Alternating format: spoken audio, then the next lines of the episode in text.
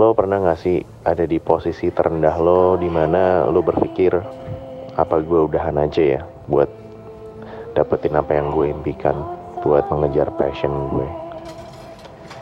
Bukannya gue males, gue selalu kerja keras buat dapetin apa yang gue mau, tapi entah kenapa dunia seakan-akan berpaling dari gue. Akhirnya gue mengambil keputusan bahwa gue tetap jalan walaupun dunia nggak di pihak gue walaupun dia berpaling gue tetap jalan. Sampai akhirnya waktu ada di sisi gue dan gue melihat setitik cahaya di masa depan gue. Teruntuk para troublemaker mengejar passion. Oh,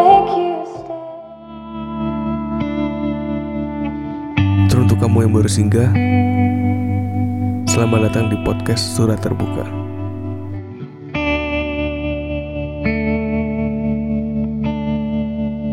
Hai, selamat datang kembali di channel eh di channel lagi. Selamat datang kembali di podcast Surat Terbuka yang ke-7 berarti ya. Yang ketujuh ya. Ketujuh. Hari ini gue di Starbucks. Di mana ini gue Starbucks apa? Flavor Bliss. Flavor Blitz bersama ownernya muda cuma sekali. Oh, kreator lah kreator. Oh, kreator ya? Belum bukan perusahaan bos. Oh bukan perusahaan. Belum, belum. Oh, berarti kreatornya muda cuma sekali. Sekarang tanggal 16 Jun. Sekarang Eh enggak enggak enggak. Emang harus begitu? Harus pakai Biar tanggal kayak sih? Iqbal Haryadi. Oh iya iya iya. Sekarang tanggal berapa ya? Tanggal berapa ya? sekarang tanggal Lalu 13. Sekarang tanggal 13 Juni Kreator gini enggak 2000. tahu, enggak tahu tanggal gitu. libur tangan gue merah semua soalnya. Oh, merah semua ya.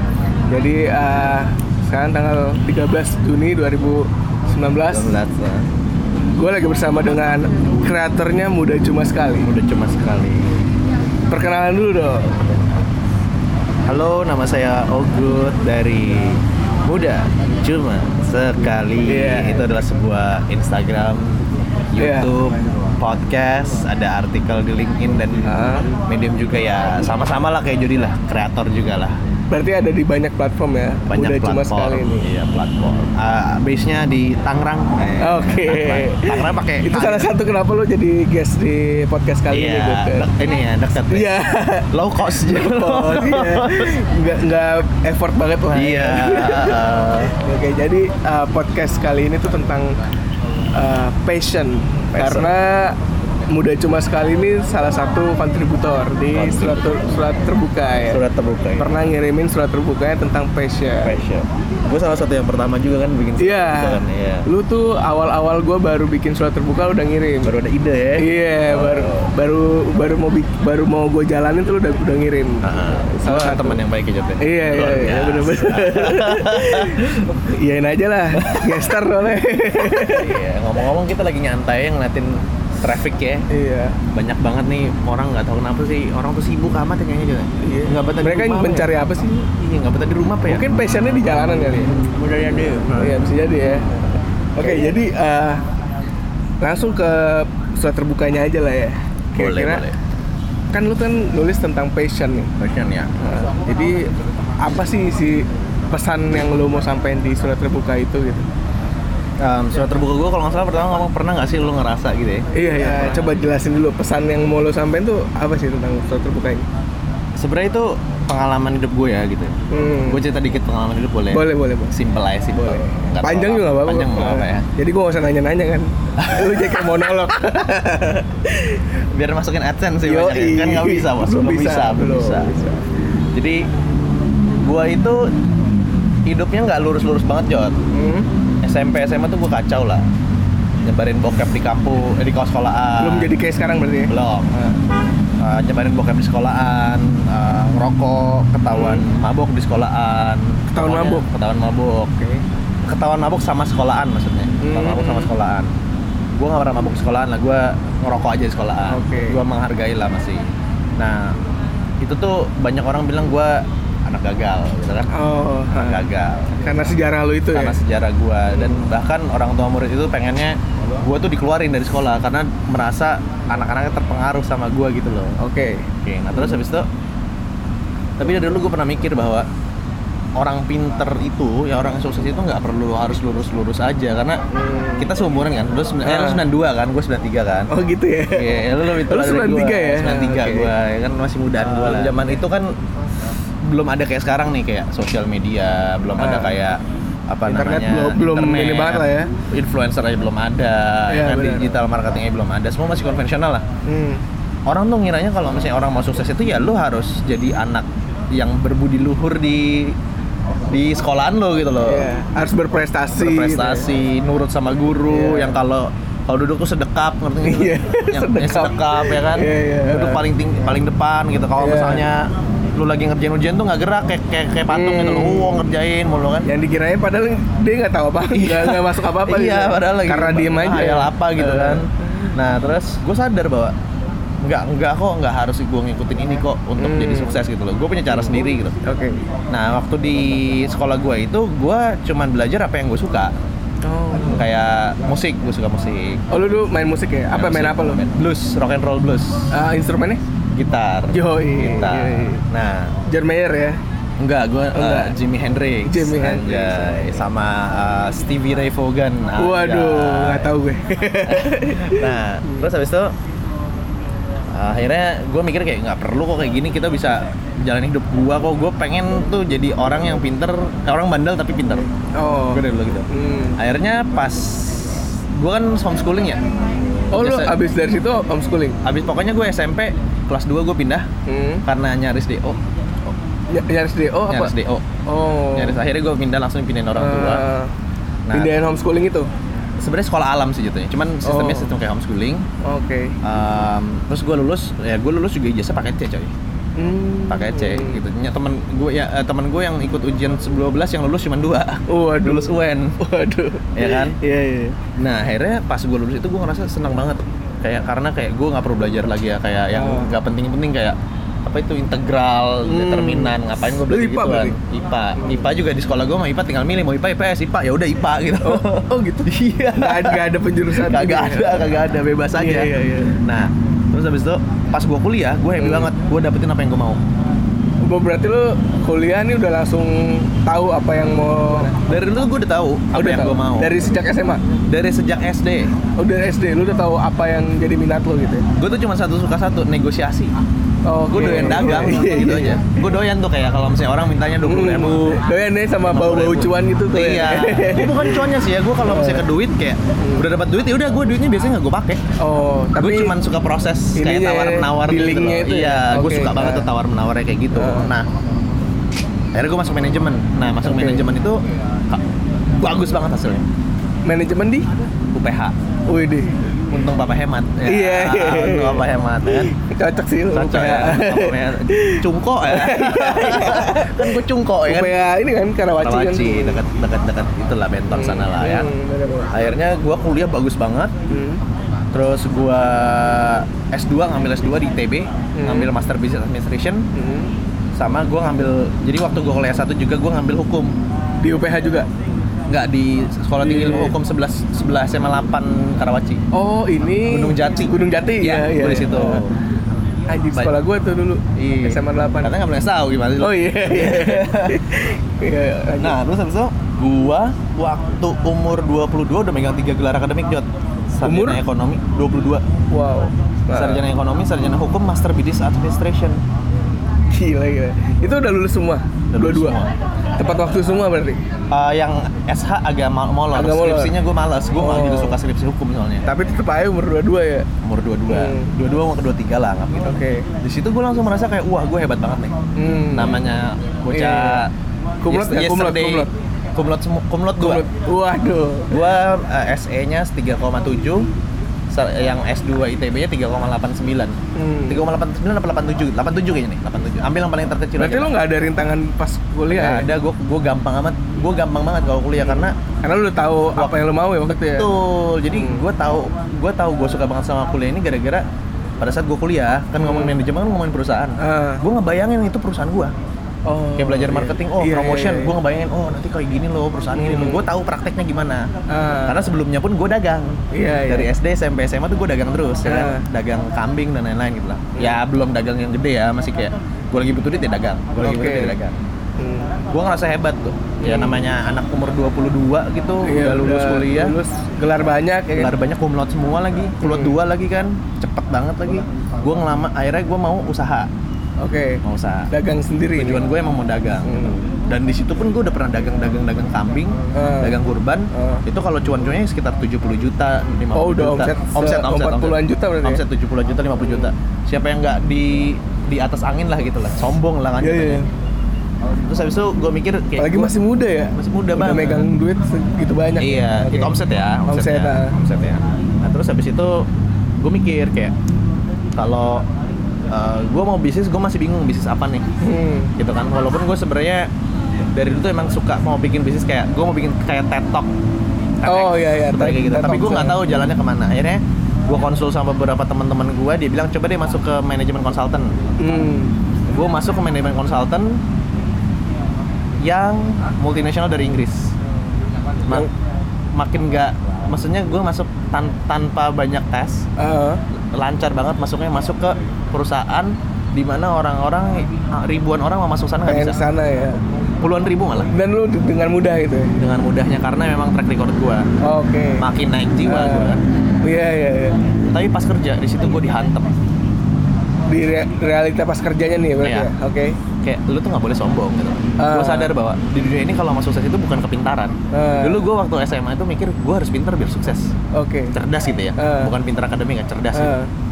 Tapi ternyata ada satu hal lagi yang gue lupakan yaitu attitude Oke, sikap ya. attitude akhirnya yang parahnya waktu di kerjaan gue jadi junior yang paling nyolot hampir satu tim nggak suka sama gue Di awal-awal kerja. Ya, apa? dari dari dua bulan kerja, pertama kerja Oh, oke. Eh, sebulan mah namanya manggut manggut dulu jalan Iya, iya. manggut dulu jalan Anak baru lah ya. Iya.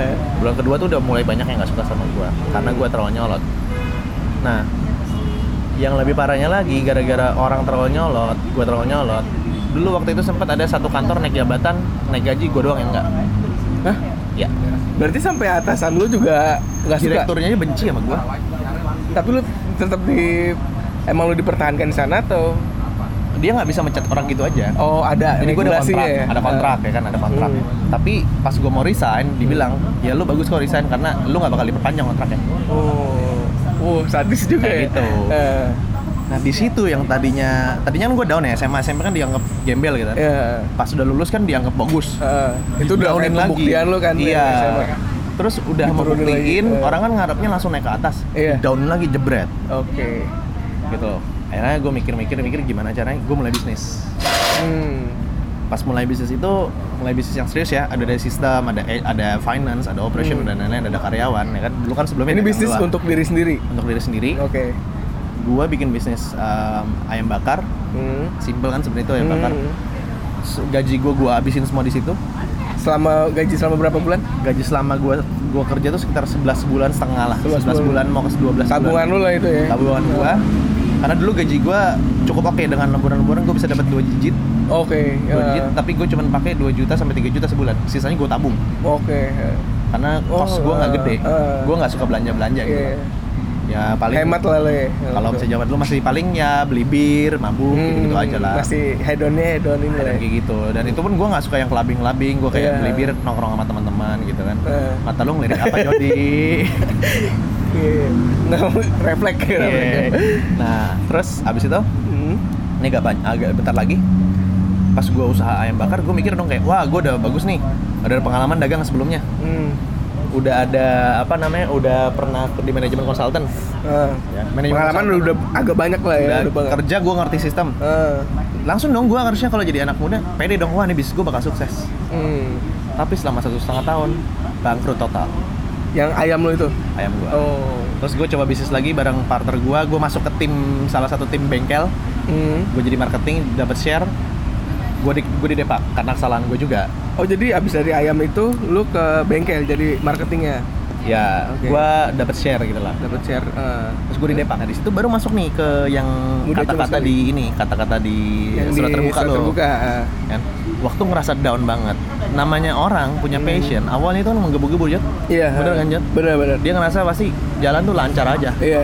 nggak ada kayak yang bertintangan Iya. tapi gua ya udah ngerasa pinter udah Eh. pernah masuk ini Eh. udah jatuh jatuhnya dua kali berarti SMA sama habis pas Hmm. kerja gue mikir kayak oke siklus gue nih jatuh bangun jatuh bangun Hmm. pas bisnis harusnya gue mikirnya abis jatuh dari kerja bangun dong Bangun, naik nah. banget dong Ah. ternyata jatuh lagi makin jatuh makin jatuh makin jatuh Oke. ya gitu nah kan kata-kata di sini kan dibilangnya lu pernah nggak sih ngerasa di posisi terendah lo di mana lu Hmm. berpikir apa gue udahan aja ya buat dapetin apa yang gue impikan Berarti eh, setelah dari bengkel itu tuh lu jatuh lagi jatuh lagi tuh titik terendah lu berarti. titik terendah gue ini Oke. apa sih gue punya tiga gelar gue nggak bikin apa-apa gue nggak berkarya Oh iya.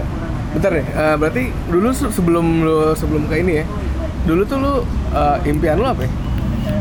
dari dulu gue cuma mau dua Apa? gue mau jadi motivator Ah, sama bisnismen Oke. Yang titik rendah ini dan lu merasa gagal di impian yang bisnismen bisnismen. karena gue dulu mikir gue mau jadi motivator gue harus sukses dulu Iya, iya. Terus itu iya. gue mikir kayak kok gini amat ya Hmm. jatuh banget Hmm. pilihan gue dua gue mulai bisnis lagi tapi nggak ada modal apa gue itu lu sama sekali nggak ada pegangan dulu. agak ada agak ada Oke. apa gue kerja Hmm. ya kan Itu pilihan ya. pilihan Kerja atau bisnis lagi. Ah, ah. Oke. Di- di situlah titik terendah gue kayak apa gue udahin aja mimpi gue ya gue Hmm. mikir kayak am I that good apakah Hmm. gue emang sebenarnya sebagus itu gitu Iya. iya. apa jangan-jangan gue tuh delusional kayak Ah. sebenarnya tuh gue gak sepinter itu sebenarnya gue tuh nggak se sebagus itu Iya, iya. tapi lu tuh cuma Oh. mimpi gitu loh pasti lu pernah lah ngerasain kayak gitu juga lah Iya, iya. Karena karena banyaknya kegagalan sebenarnya. Kegagalan. kegagalan tapi akhirnya gue memilihnya bukan yang satu atau dua tapi memilih yang tiga Oh, ada pilihan lain berarti. ya Apa tuh? karena tadinya pilihnya dagang atau dagang atau, Atau kerja. kerja Hmm. kan gue masih punya satu mimpi jadi motivator Ah, iya, iya. Oh, berarti yang mati tuh bisnismennya aja. bisnismennya Nah, sebenarnya bukan mati sih, mati suri lah ya. hibernasi lah Hibernasi, iya.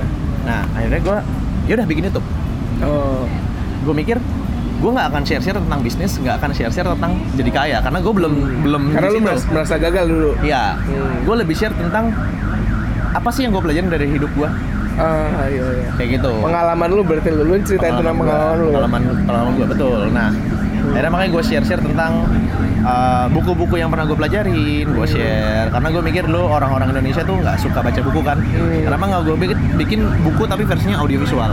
Oh, Nah di situlah gue percaya yang namanya kalau gue pernah bilang ke lu winning content tapi ini namanya pecah Iya, iya. telur dan pecah telur. Ah. pecah telur jadi kayak lu tuh sebenarnya nggak perlu terlalu pusingin kayak kapan lu nyampe ke passion lo lu jalanin aja terus suatu saat gue yakin mau gimana pun pasti pecah Ada waktunya ya. sama kayak kalau kita dagang Iya. lu nggak usah pusingin bakal laku apa kagak lu keliling aja pasti ada yang beli Pasti ada yang beli. bener nggak Jod? Bener. mau satu mau dua pasti ada yang Pasti, beli ya. lu keliling mau ngemis mau apa tolong dong pak beli pak saya belum ini pasti ada yang beli Iya.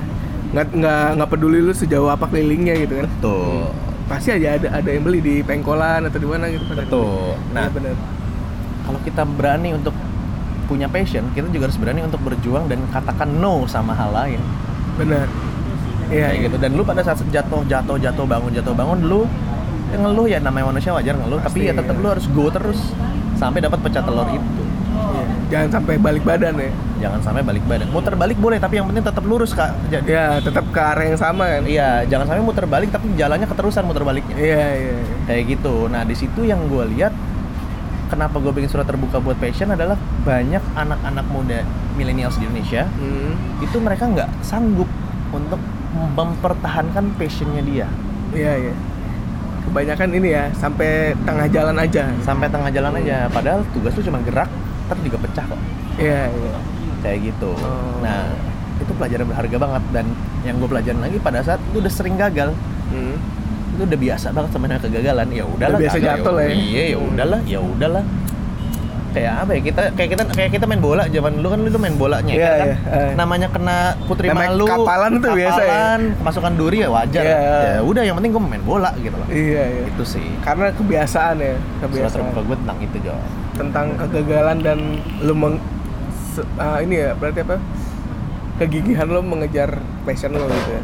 Nah, yang gue tanyain sekarang tuh sebenarnya tentang passionnya nih. Iya. Passionnya itu menurut lu passion tuh apa sih gitu? oke banyak orang yang uh, kalau ini menurut gue ya versi gue ya Hmm. lu mungkin cari di Wikipedia beda ya Hmm. kalau menurut gue passion itu gini passion itu ujungnya cari duit Jadi Hmm. kalau orang bilangnya hobi dan lain-lain itu bukan passion buat gue. Hmm. Tapi kalau misalnya lu punya hobi yang ujungnya lu mau cari duit dari hobi itu, itu Hmm. bisa dibilang passion.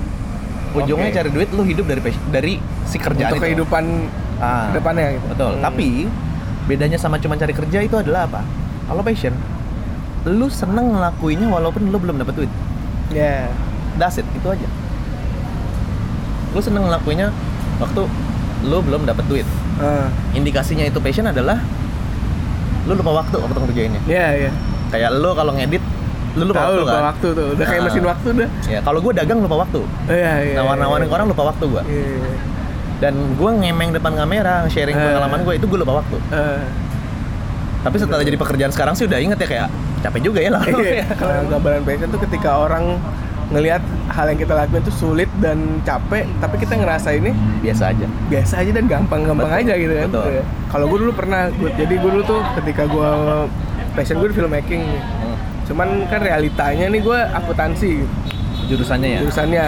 Nah, dulu tuh sempet ada orang-orang yang yang kayak ngeraguin gua dan ngebikin down gua kayak udahlah ngapain lah lu realistis aja lah lu lulusin dulu aja kuliah lu akuntansi jadi Ah. akuntan lu ini dulu kerja dulu itu realita lah gitu. kayak musuh terberatnya pengejar mimpi itu realita kan sebenarnya kalau menurut lu gimana Oke. pernah nggak lu kayak gitu Gua gue sih termasuk orang yang nggak peduli omongan orang ya karena Hmm. gue terlahir dengan mental ya kuping gue gue tutup lah sama orang-orang gue Hmm. percaya sama diri gue sendiri gitu ya tapi mental influencer ya Iya, mental gitu. baja ya, Oh, aja ya. iya. karena ya gue dari dulu bokap gue sering dimarahin jadi gue udah biasa lah kalau Oh, orang iya.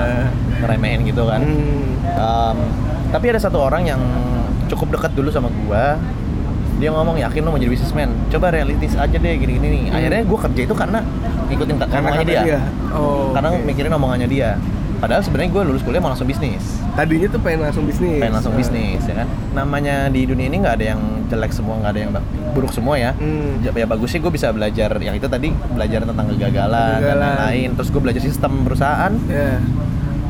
Uh, tapi buruknya adalah gue nggak ngerasa nyaman tiap kalau gue pulang itu gue Kayak zombie. ngeluh kayak zombie Hmm. terus gue nggak menikmati pekerjaan gue bawanya masuk kantor baru berapa jam aja udah pengen pulang, Pengen pulang, kayak ya. gitu Nggak nyaman lah, nggak bahagia nyaman, juga ya. kan? akhirnya gue mikir kayak nggak bisa nih gue ngikutin orang Hmm. walaupun cuma sebentar doang nih nggak bisa sama sekali gue nggak nyaman gue nggak happy toh hidup gue cuma sebentar Hmm. ngapain gue hidup untuk tidak happy Iya. gue memilih hidup untuk happy gitu kan nah terus habis itu mikirin kayak realita misalnya ekonomi ya Hmm. gue bersyukur banget uh, orang tua gue masih mampu lah Hmm. tapi gue udah gak dikasih uang jajan kan semenjak lulus kuliah kan Hmm. Lu sekolah yang keberapa nih? yang S2 S2 Oh ya, S2. gue lulus yang di kuliah ITB. iya gue lulus S, lulus S1 kan 19 ke 20 Oh iya. jadi kayak Masih- ya, masih piek gue masih tanggungan lah ya. iya uh, selama ma- bapak gue masih bisa ngasih gue ayam goreng sama nasi gue selalu bilang sama Hmm. subscribers followers gue selama mak lo masih bisa ngasih makan ayam goreng ayam Hmm. sama nasi sama lalap Hmm. at least tahu tempe sama kecap SH kalau di Tangerang ya Ini kecap esa. kecap ya. esa lu pakai esa kan dulu Iya, iya. siap kecap esa gue kejar terus selama gue nggak lapar dan kalau misalnya Hmm. seandainya lu pun orang tuanya nggak mampu lu punya punya ini kok punya pilihan bahwa ya lu kerja yang penting deket rumah yang penting lu bisa ngenyangin perut lu doang Hmm. dan kalau misalnya deket rumah pulang waktunya banyak lu bisa ngejar passion lo Iya, iya. Yang penting bisa hidup dulu lah ya. yang penting bisa hidup dulu Hmm. toh di kerjaan lu kalau lu belum pernah kerja sih ya? Gue belum pernah. belum pernah ya? kalau kerjaan juga banyak banyak juga hai hainya Hmm. Banyak waktu luang. banyak ya? waktu luang kok Hmm. kayak misalnya habis istirahat jam 1 kelar baru aktif kerja mungkin satu setengah jam Iya, jam iya, satu iya. jam satu tiga puluh ya kayak Oh. gitu itu bisa kalau menurut gua kitanya aja yang terlalu lemah Iya, iya. Sebenarnya 24 jam tuh cukup waktu ya sebenarnya. Iya. kayak gitu Berarti memang pasti ada aja orang yang nyamperin lu dan bilang lu harus re- realistis ya. iya Cara lu bisa tahu itu passion lu gimana? yang tadi gue bilang lu ngerjain tanpa dibayar Tanpa pun dibayar lu itu. suka tapi ujungnya lu pengen dibayar Oke. kayak gitu Ya. cara taunya itu dan kedua otak lu selalu mikir tentang hal itu Hmm. Mau tidur mikirin itu. iya kayak gitu Iya. Nggak dan lu kalau misalnya ngobrol sama temen lu yang satu satu Passion? minat Hmm. nggak habis habis Iya, iya. kayak Benar-benar. gitu kalau mau cari passion simpelnya satu lu spend time sama diri lu sih kalau bisa lu ada di ruangan sepi di Hmm. kamar lu berarti quality time sama diri sendiri itu penting untuk menemukan passion ya Betul, gue sering banget kalau zaman dulu sebenarnya walaupun sekarang ya gue masih merefleksikan loh kayak Hmm. mungkin sekitar dua bulan sekali tiga bulan sekali gue ke kamar nggak ada orang gue ngasihin kertas putih Hmm. gue ngebayangin merem sa- seperti kayak gue ngeliat versi kulit hitamnya gue di dalam otak gue berarti eh, sosok lo yang lain gitu ya Hmm. jadi kayak gue ngobrol sama dia Hmm.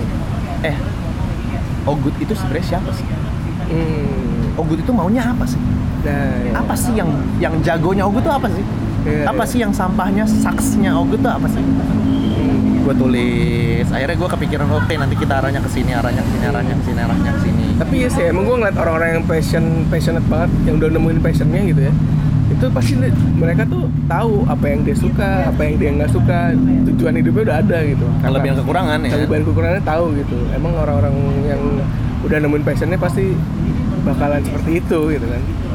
Karena untuk menemukan passion itu lu dibutuhkan yang namanya self awareness iya benar benar. Lu sadar lu ini siapa kayak lu jot hmm.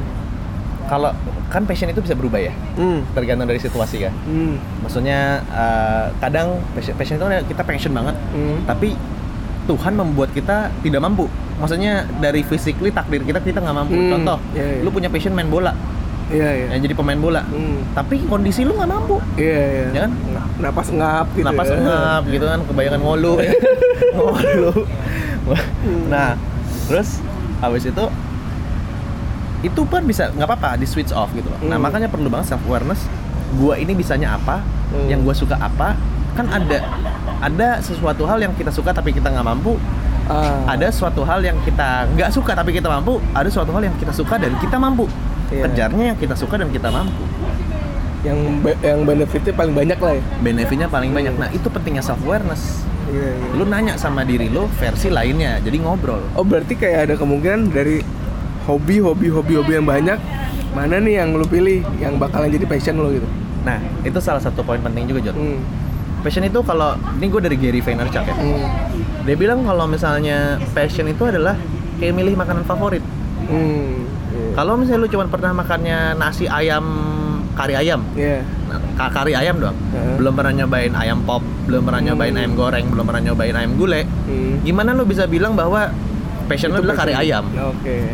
Karena lu belum coba Iya. beruntungnya gua waktu dulu banyak nyoba oke itu Banyak juga nyoba salah satu cara juga berarti kan betul cara untuk mencari passion lu lu Betul. harus mencoba berbagai macam hal ya Betul, gue nyoba main musik, gue nyoba ngegambar, Ah. dan ujungnya gue terjatuh cintanya sama dunia perdagangan Hmm. dan dunia self development. iya iya Nah setelah tadi balik lagi ke self awareness, Ah.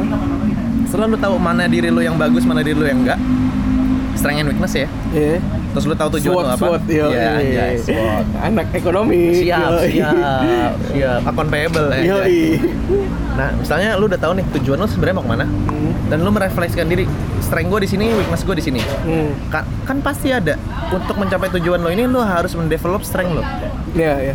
ya kan Harus ada yang di ini ya. iya mendevelop strength lo dan ada lagi yang misalnya weakness weakness itu nggak perlu dibikin bagus ya mata ya Jod weakness itu nggak perlu dibikin bagus ya Hmm. tapi yang tadi ini nilainya Ditutupin. dua gak usah ditutupin tapi yang tadinya nilainya dua untuk Ah. mendukung lo ke ke apa namanya ke eh, tujuan lo Ah. jadi inilah nilainya cuma 5 atau 6 contoh kayak lo Ah. videografer rata-rata videografer kan nggak suka yang namanya struktur Iya. nggak suka namanya aturan Ah, nggak ah. suka namanya itu tapi kalau dia profesional videografer lo Ah. mau nggak mau lo harus belajar Iya, iya. tapi nggak perlu jadi 100 kayak orang Iya. akuntansi Paling enggak iya, iya, iya. harus paling enggak ada beberapa persen yang lu dapat. Iya, paling kan lu ngerti lah kayak ada Hmm. perjanjian gimana sih caranya walaupun Iya, lu nggak suka ah, gitu iya, loh. iya. Nah, di situlah lu develop self uh, develop diri lu. Hmm, iya. Kayak gitu. Benar, benar. Oh, gitu ya. Tapi sekarang ini lu udah eh, pekerjaan lu ini udah passion yang jadi pekerjaan atau belum? Gue udah full time ngelakuin passion gue sih motivator dan Ah. pe- pebisnis. Berarti udah jadi pekerjaan kan? Udah. Gimana rasanya? Sosonanya gue gimana rasanya? rasanya ya? Ku rasa rasanya lu nggak takut apa-apa sih Nggak takut apa-apa ya? dan hidup lu tuh nggak ada kayak nggak ada di Beban. nggak kayak di, di di dalam ruangan tembok yang dihimpit tembok yang sempit Hmm. kalau lo nggak ngelakuin suatu hal nggak sesuai dengan passion lo pekerjaan lo nggak sesuai dengan passion lo itu seakan-akan lo ada di ruangan yang sempit banget Hmm. di kotak gitu ya di kotak kayak kayak lu dikandangin aja gitu ya betul dan ini gue bener-bener luas gitu loh gagal itu udah pasti ya kayak Hmm. ibarat kata lu nggak lu jangan hidup kalau nggak mau mati hmm. jadi kalau orang yang mau ngejar passionnya tapi nggak nggak mau nyob nggak mau ngerasain gagal itu kayak orang mau masuk surga tapi nggak mau nggak mau mati. Bener-bener. Gitu loh. berarti passion dan kegagalan tuh beriringan pasti tuh ya? Adik abang. Ada abang pasti ada abang. aja uh, posisi di mana lu ngerasa gagal dengan passion lu? Iya. Biasanya itu yang yang yang banyak orang ragu tentang passionnya itu tuh uh, ketika orang udah ketemu nih passionnya. Hmm. Pasti kan ada ada itu tadi apa pilihan antara gue harus ngejar passion gue ini atau gue realistis aja. Yang mana nih harus gue pilih dulu? Hmm. menurut lu harus milih yang mana dulu? Serah lo lo mau ngikutin mau ngikutin society biar lo diterima masyarakat banyak? Hmm. atau lo mau lo mau diterima sama diri lo sendiri? Berarti validasi diri sendiri ya? Gue lebih memilih gue nggak membohongi diri sendiri. Iya iya, iya. kayak gitu. Nah terus orang rata-rata gagal untuk memulai passion itu dia takut duluan. Takut Dekat- duluannya kenapa? Karena dari zaman kita sekolah kita itu selalu ditakut-takutin sama nilai jelek. Nah, kalau nilai kita jelek kita dimarahin bukan dimarahin guru ya dibilang jelek sama guru. Hmm. dan kita malu sama kelas. Iya. tapi so what? Nilai gue jelek. Nilai gue jelek di matematika ya udah so what? Tapi lu nggak bisa main gitar gue bisa main gitar Nggak. iya iya benar kayak gitu. Karena dari kecil kita, kita kayak gitu ya. Didikannya seperti itu. Didikannya. didikannya kita harus hebat di segala bidang. Hmm. dan kedua kita harus memuaskan banyak orang. Contoh. Oh, iya, iya.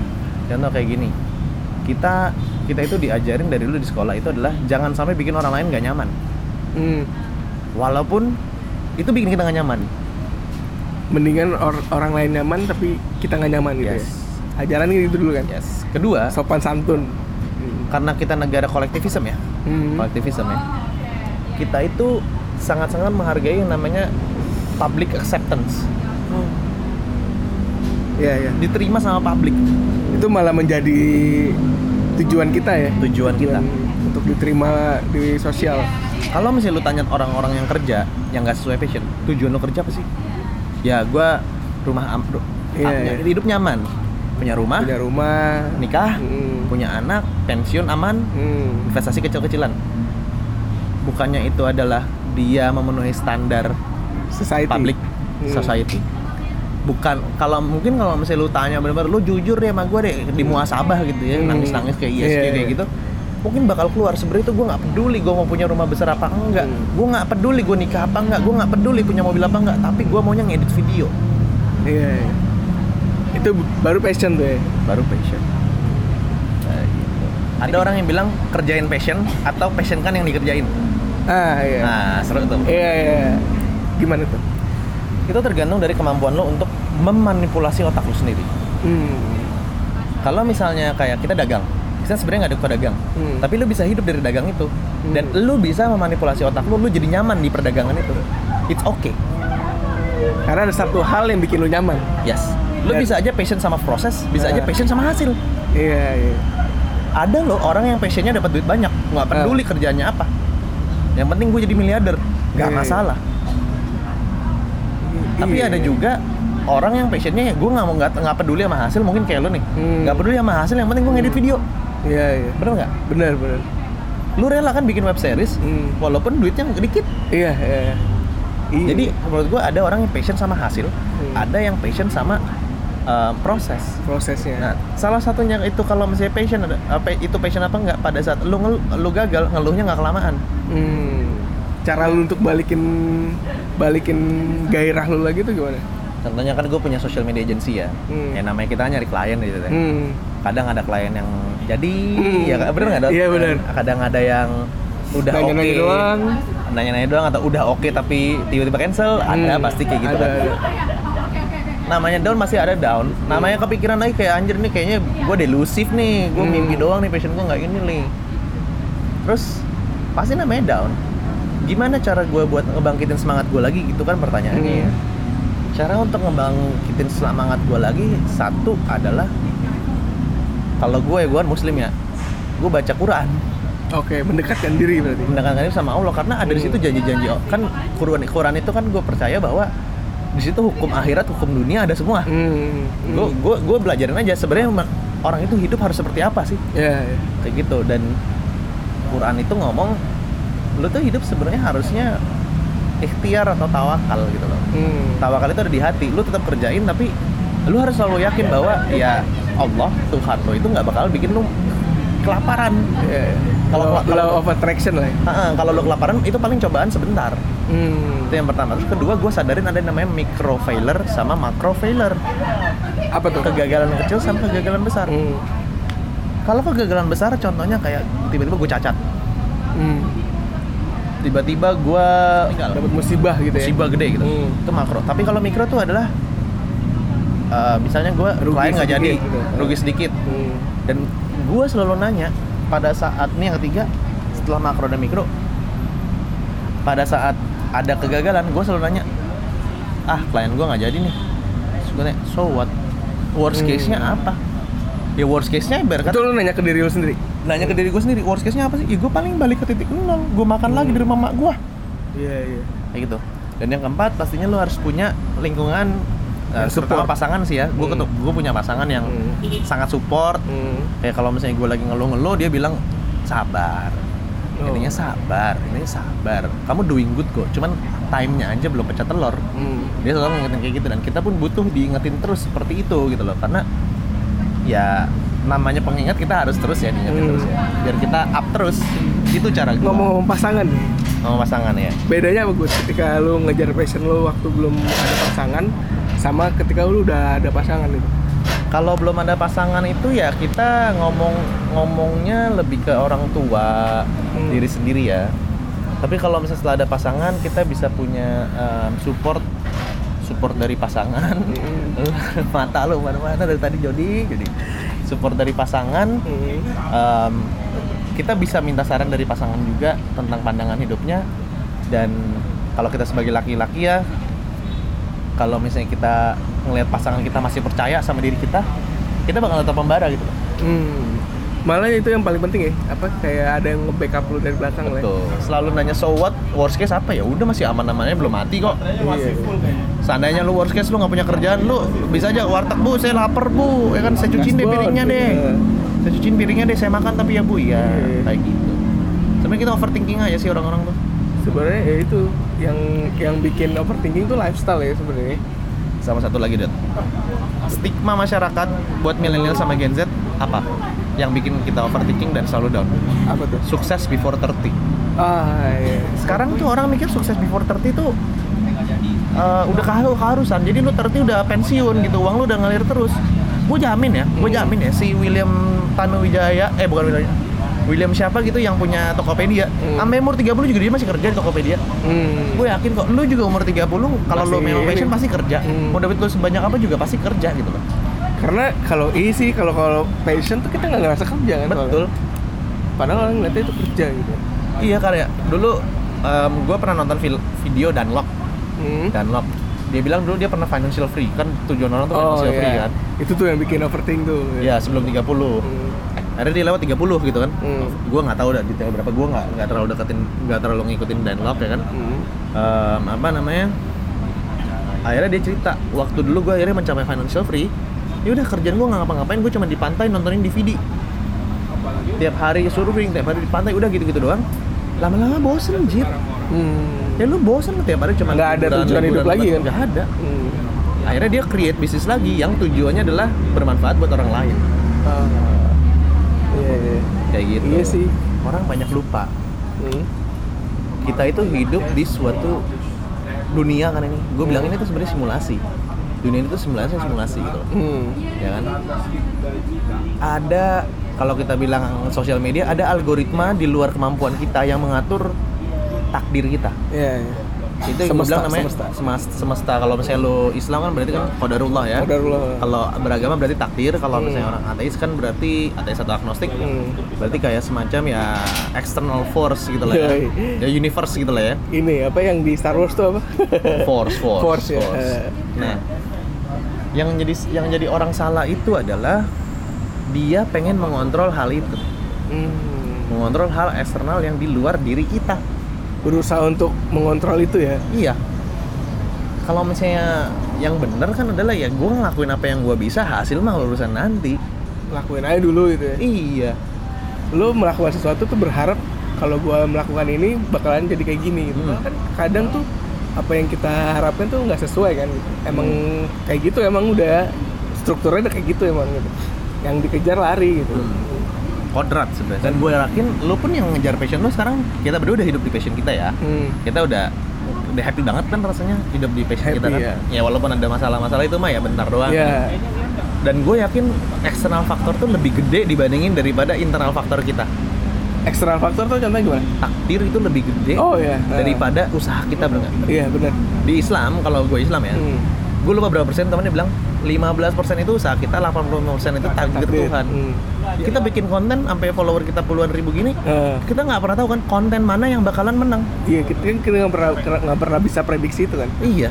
Terus mikirnya gini kalau misalnya di dunia konten ya daripada lu cuman mikirin terus gue bikin konten apa yang bisa meledak Hmm. ya kan? Pas lu bikin nggak meledak mendingan lu nggak usah terlalu banyak bikin konten apa yang meledak lu pikirin aja gue mau bikin konten apa bikin, terus Bikin. sampai ada yang meledak. Bener bener itu tuh banyak banget yang uh, yang baru-baru mau mulai nih nanya tuh ke gue gimana cara bikin yang bagus yang bisa uh, meledak gitu. Nggak nggak bisa gue bilang lu harus bikin terus gitu. Betul. banyak kan mereka mereka mikir tuh lu bikin satu yang bagus banget itu bakalan bakalan meledak. Padahal kan enggak kan? Padahal lu mau lu se lu mau bikin uh, film pendek gitu sekelas Hollywood yang pakai robot-robotan gitu kalau emang belum waktunya meledak nggak bakal meledak gitu. Betul. nggak bakalan satu konten tuh meledak gitu. Kayak kalau menurut gue director-director juga pasti ada karya-karyanya yang lain yang nggak meledak. Yang dia nggak kelihatan sama orang lain gitu. Dan gue yakin karyanya yang nggak meledak lebih banyak daripada karyanya yang meledak. Pasti. Bener nggak? Bener. Kayak gitu. Jadi orang ada satu riset bil ada satu riset. Jadi ada dibikin tim di satu universitas Hmm. disuruh bikin konten yang meledak sama yang eh, mau bikin konten yang viral oh bikin viral ya ya kan Hmm. tim A dan tim B Hmm. tim A bukan konten viral konten bagus Hmm. tim A itu kerjanya mikir riset mulu belajar terus gimana cara bikin konten yang bagus Hmm. dikasih waktu satu bulan tim B belajar dikit bikin terus tiap hari Hmm. tim A itu ngasilin satu konten dalam waktu satu bulan. Hmm. tim B ngasilin 30 konten dalam waktu satu bulan. Iya. akhirnya dilihat dong konten terakhirnya. Ah. ternyata yang lebih bagus adalah tim yang tiap hari banyak ini. bikin konten. Bukan tim yang terlalu banyak mikir asu bikin konten cuma satu. Iya iya.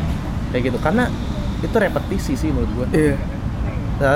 Ada kalau nggak salah the the the law of 10.000 jam kalau nggak salah. ada ya berapa Iya. ada ya Kalau gue pernah dengar itu kalau lu jadi ahli kalau udah berapa tahun 10.000 jam.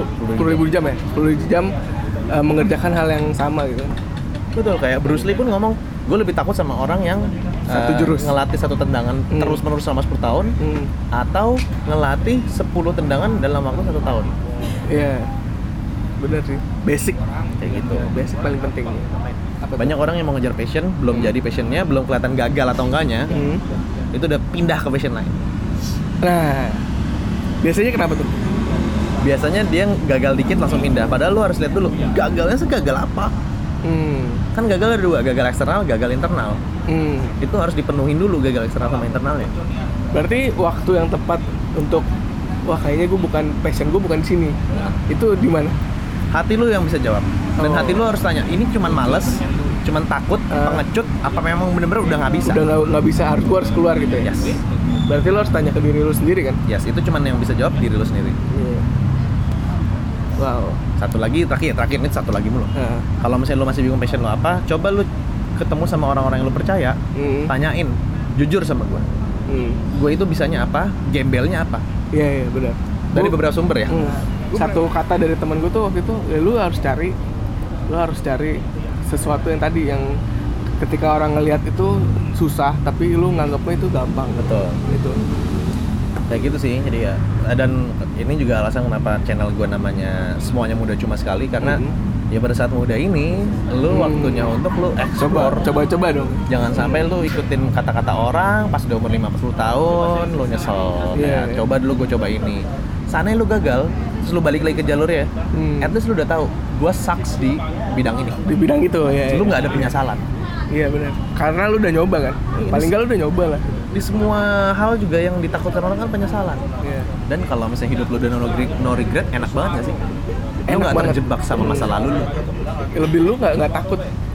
Lu nggak takut ketika gua ngambil keputusan nih kayak gua harus eh, gua harus harus ngisiin duit gua untuk film pendek misalnya. Ya udah nggak nggak nggak apa gitu. Betul. jadi gua nggak ada nggak ada penyesalan ah duitnya buang sia-sia. Karena ada pernah duit gini lu ngapain sih bikin film pendek terus lu upload ke YouTube udah ngevlog gitu. Ngapain lu bikin kayak gitu? kan gua, gua dalam pikiran gua ya ini kan buat ini gua ke depannya gitu. Kayak udah bodo amat gitu. Mau berjuta-juta gua habis gitu ya udah bodo amat gitu. Seandainya lu ngikutin orang itu pasti lu ada unek-unek terus kayak Iya. gue pengen aduh harusnya ini, pengen bikin gitu kan seandainya lu jadi akuntan sekarang nih lu Eh. jadi perusahaan bonafit Eh. lu masih tetap ada unek-unek nggak? Kayak ah gue pengen pengennya tuh jadi Iya. videographer pengen coba dulu gitu loh. Seandainya lu tiba-tiba anjir gue gagal nih jadi Hmm. videographer ya udah apa-apa lu balik ke akuntansi. Hmm. tapi gue lu no regret gitu loh. Iya iya benar. Gue pernah bikin konten juga namanya hidup itu remedial John. Waktu SD SMP SMA gitu kesannya kalau misalnya uj- ulangan dapat nilai jelek tuh udah. Dunia ini habis. Ya padahal dalam hidup tuh masih banyak remedial bener nggak? Bener banyak banget remedial. Harusnya akan tuh terus remedial ya? Iya dari SD SMA harusnya tuh lu ikut remedial terus. Eh, lu sengajain gagal biar lu kebiasa gagal. Iya, iya. habisin jatah gagal ya? Iya malah justru gue pernah bikin konten yang gue pikir bakal gagal malah yang bagus. Iya kadang-kadang gitu. Intinya gini lu cuma punya hidup sekali. Hmm. ya kan? Di agama aja ya. Di Islam ya kalau gue ya. Hidup lu satu kali itu adalah buat bekal lu akhirat. Iya. Lu punya muda cuma sekali Yoi, karena Ya kan? muda cuma sekali karena, ya karena kita nggak tambah muda kan iya benar karena kita nggak tambah muda ya pas muda ini lo harusnya bikin bekal buat Iya. sampai masa tua lo karena kita Nggak tambah muda. nggak tambah muda Anjay. Oke deh, eh, podcast surat terbuka yang ke-7 kali ini tentang passion segitu dulu. Ini eh, sesinya promosi. promosi boleh siap. Silakan Ogut eh, nama channel, Instagram, ya apa pun. buat lo yang masih kuliah baru baru mau kuliah lagi SMA juga boleh sedang kuliah lagi nyusun skripsi Yoi. mau lagi cari pekerjaan atau baru-baru masuk kerja ya gue banyak banget konten tentang self development Hmm. lo bisa cek di YouTube gue podcast gue LinkedIn gue uh, Medium gue Hmm. uh, apalagi uh, SoundCloud gue Hmm. Spotify Yoi. Instagram di muda cuma sekali Yoi. Udah, ada lagi yang mau dipromoin? Udah. Oke, thank you Ogut. Thank you banyak, Jod. Udah ngundang cuma gua. sema- mudah cuma sekali. Udah cuma sekali Mudah cuma sekali nih eh, yang ini lu salah satu yang bikin gua bikin podcast. Gut. oh ya Iya, gara-gara gua di podcast lu tuh, Hah? gua jadi bikin podcast. Oh, bener amal jariah gue ya Iya, iya. Oke, itu dia podcast sudah terbuka ke-7. Semoga ada insight yang bisa lo ambil. semoga bermanfaat ya Semoga bermanfaat. Sampai jumpa di podcast selanjutnya. sampai jumpa gue Ogut Gua Jody. Bye. assalamualaikum warahmatullahi wabarakatuh Waalaikumsalam.